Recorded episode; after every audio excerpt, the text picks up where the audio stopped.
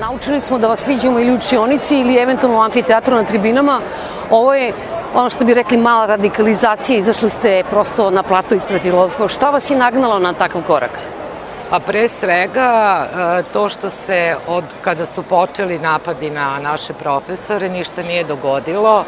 Mnogi od tih napada su direktno kršenje zakona o elektronskim medijama, recimo to je član 51 koji govori o zabrani govora mržnje, zatim Ustav takođe je kršen, a da nadležni organi, odnosno konkretno REM i tužilaštvo nisu preduzeli ništa iz svoje nadležnosti ili ako jesu zapravo mi ovim protestom pozivamo ih da ovaj, iznesu javnost koje mere su preduzeli i prosto ih pozivamo da rade svoj posao kao što ovim protestom zapravo i mi radimo svoj posao. Mislim da e, se u ovoj zemlji, naročito sa vrha vlasti, ne shvata da e, društvene i humanističke nauke moraju da reaguju i moraju da se bave društvom. Mi proučavamo društvo, mi moramo da skrenemo pažnju na ono što u društvu nije dobro da bi mogli sutra da stanu pred svoje studente i da se ne stide toga da ništa nisu uspeli u ovoj zemlji da promene, da kažu, jer mi učimo studente kritičkom mišljenju, a onda mi ćutimo. Nije filozofski ćutati kao što piše iza mene. Kako vi još imate činjenicu da ovo što radi jedan veliki broj profesora fakulteta filozofskog, da nema podršku studenta, veću. To jeste zaista, ovaj, eh, kako bih rekla, bolna tačka i nas profesora. Vrlo je to kompleksno, zaista. Da li ovaj, da se pozovemo na društvene medije gde oni otprilike žive i gde ispolje tu neko svoje, neko svoje nezadovoljstvo, E, I ne znam, davno još neko rekao, verovatno da je 2000. da su postojali društveni mediji, jeli, i Facebook i Twitter i Instagram da se ne bi desio 5. oktobar. Možda je to jedno, jedno od objašnjenja, da oni svoje nezadovoljstvo tamo pokazuju i prosto je drugo vreme, druga interesovanja i drugi način, ali ne znam šta treba da se dogodi da studenti e, postanu ne samo solidarniji, nego i aktivniji, jer neophodna je ta akademska mreža e, koja bi zaista pokazala solidarnost i prema profesorima i, i prema studentima koji ipak misle da je da vredi se ovde angažovati i tražiti neke promene. Šta je dovelo do toga da ste se odlučili da sada se izađe napolje van učionica? U mom konkretnom slučaju, eh, a mislim da većina kolega je relativno slično razmišljala, jeste zaista jedan potpuno nedopustiv rečnik koji e, dovodi do pit, u pitanje nekakve ključne građanske vrednosti. E, prozivati na taj nemam drugu reč, nego prostački način ljude i razvrstavati ko ima pravo, a ko nema pravo na društveno delovanje na bazi toga kako se preziva, je e, tačka u kojoj ja mislim da prestaje svaka mogućnost ignorisanja ili guranja glave u pesak pogotovo kada se radi o fakultetu koji okuplja i nastavnike i studente koji upravo o tome treba da govore, uče i istražuju. Dakle, mi govorimo o tome šta znači pristojna regulativa u ljudskim, međuljudskim odnosima. Mi govorimo o tome kako treba da se vlada država kako građanin. Mi govorimo o tome šta je etnički identitet. Mi govorimo o tome šta je rodni identitet. Mi upravo, to su naše teme. Takođe mislim da je e, moment koji dovodi do nekakvog zgušnjavanja, koji u mom slučaju e, drastično me doveo u jedno stanje ozbiljne anksioznosti, je slučaj sa ovim mladim čovekom iz Valjeva, sa uzbunjivačem koji je umesto da bude zaštićen, za što postoji zakonska regulativa, umesto toga tri nedelje bio u mraku. To je signal koji više nije pitanje dakle sitnog kraduckanja, nije pitanje ni velike krađe, to je pitanje toga da ljudi nestaju, a da o tome društvo ništa ne zna.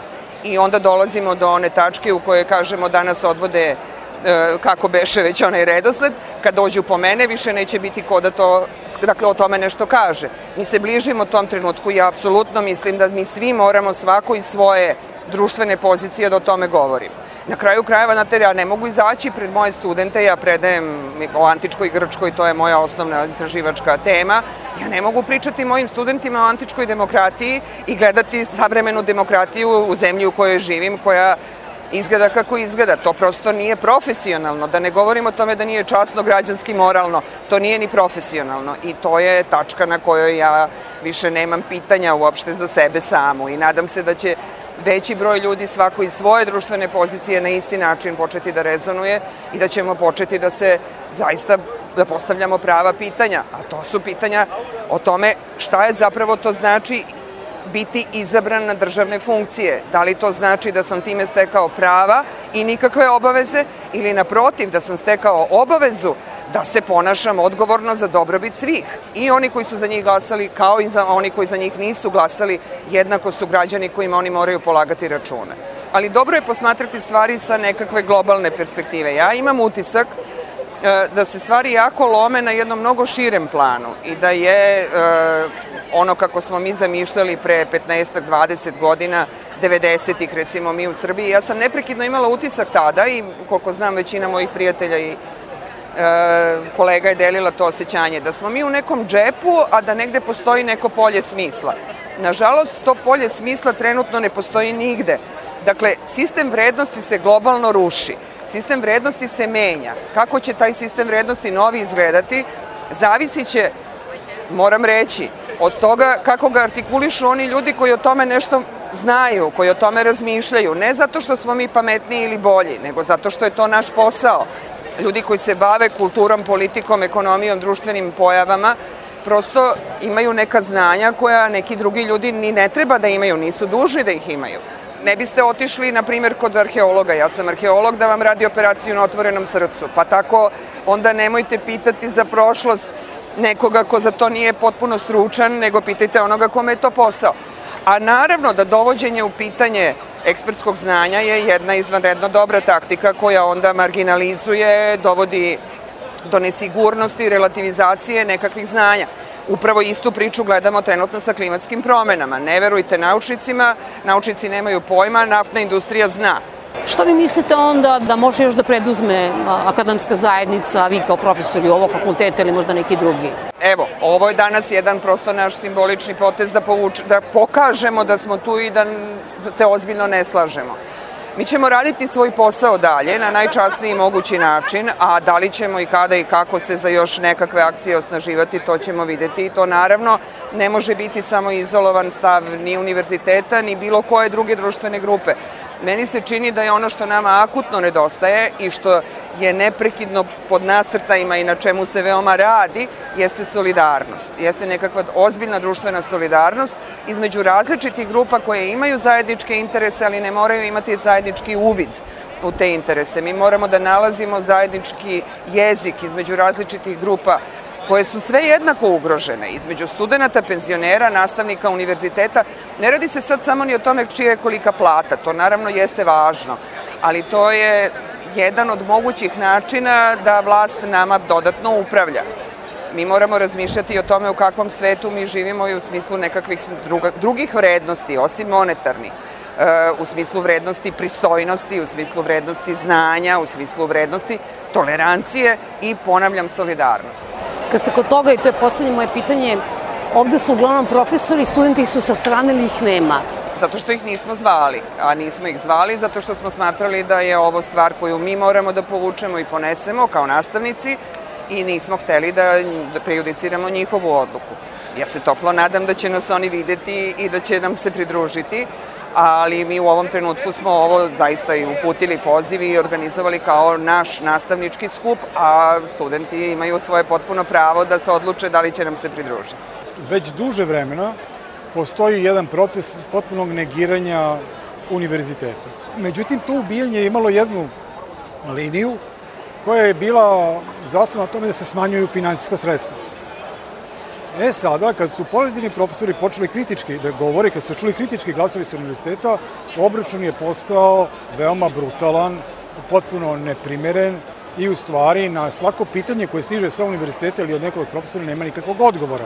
Umesto odgovora vi imate napade, osporava se nečije ime, osporava se njegovo znanje, proizvodi se neka prava i lažna elita, čak i ministar prosvete je dao jedan put izjavu da tu nisu, da potpisnici podrške građanskom protestu i nisu neki važni profesori. I sad vi to sve zajedno saberete, vi možete da vidite u kom pravcu to ide, a pravac je jedan u stvari veoma opasan, to jeste potpuno gušenje svih sloboda i normalno može da se očekuje mnogo jače i veće sankcionisanje univerziteta. Vi sad već imate predsednika države koji kaže da je to neka lažna elita, da neki profesor nije niko i ništa. Na dnu te lesvice dođe Marić koji sada se ponaša potpuno prostački i sledeći korak jesu fizički napadi i fizičko gušenje. Tome svemu mora se stane na put, to je vrlo bitno i takođe mislim da većina profesora polako shvata šta, im se, šta se sprema i država može na mnogo načina, ako želi,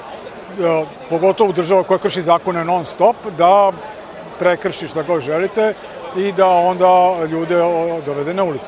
Primjer o plagijatima je recimo jedan od tih eksplicitnih primjera čak po meni gluposti i brutalnosti države. Znate, vi sada tražite da nekome se prizna neki doktorat koji je očigledno svima da je prepisan. Tu nije sa stvar nekog ne treba neko veliko stručno znanje. Drugo, to treba jasno reći, to je vrlo glupo. Plagijat Siniša Mali je najniži nivo prepisivanja. Postoje mnogo ozbiljniji slučaje do koje mi ne možemo da radimo, a to jeste kada neko uzme zaista tuđe rezultate pa ih prepriča svojim rečima. To je plagijat sa kojim se vi suočavate u realnosti. U realnosti vi se čuvate neko bukvalno prepiše ili bukvalno prevede. To je, kako da kažem, bukvalno besmisleno. Mislim, to se hvata i to ne radi ni studenti prve godine. Ali država iz nekog razloga je uporno u tom svom nastojanju da odbrani doktora Ciniše Malo. I vi onda vidite da ako na tom slučaju koji se dešava na najsnažnijem univerzitetu u zemlji, vi možete samo postaviti logična pitanja. Izvinite, šta je sa drugim univerzitetima? Šta je sa drugim fakultetima? Šta je sa višim školama? To je vrlo ozbiljno pitanje koje nosi brojne posledice za univerzitet, ali i za društvo u celini.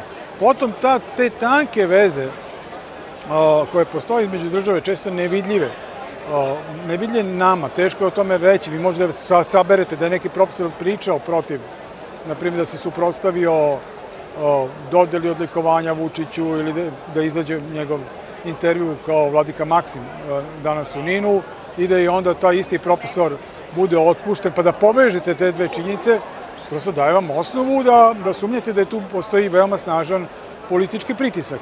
I on očigledno je takođe da taj pritisak ide kao voda, on prolazi gde su slabi kanali. I u stvari možda bi moglo da se to sve lepo vidi, kad bi se istraživalo jednog dana, vidite kome su date najviše para. Koliko je para dobila institucija koja je smenila vladiku i sinoć dekana, koliko je para dobio fon, koliko je para dobio filozofski. Veoma će jasno sve da bude.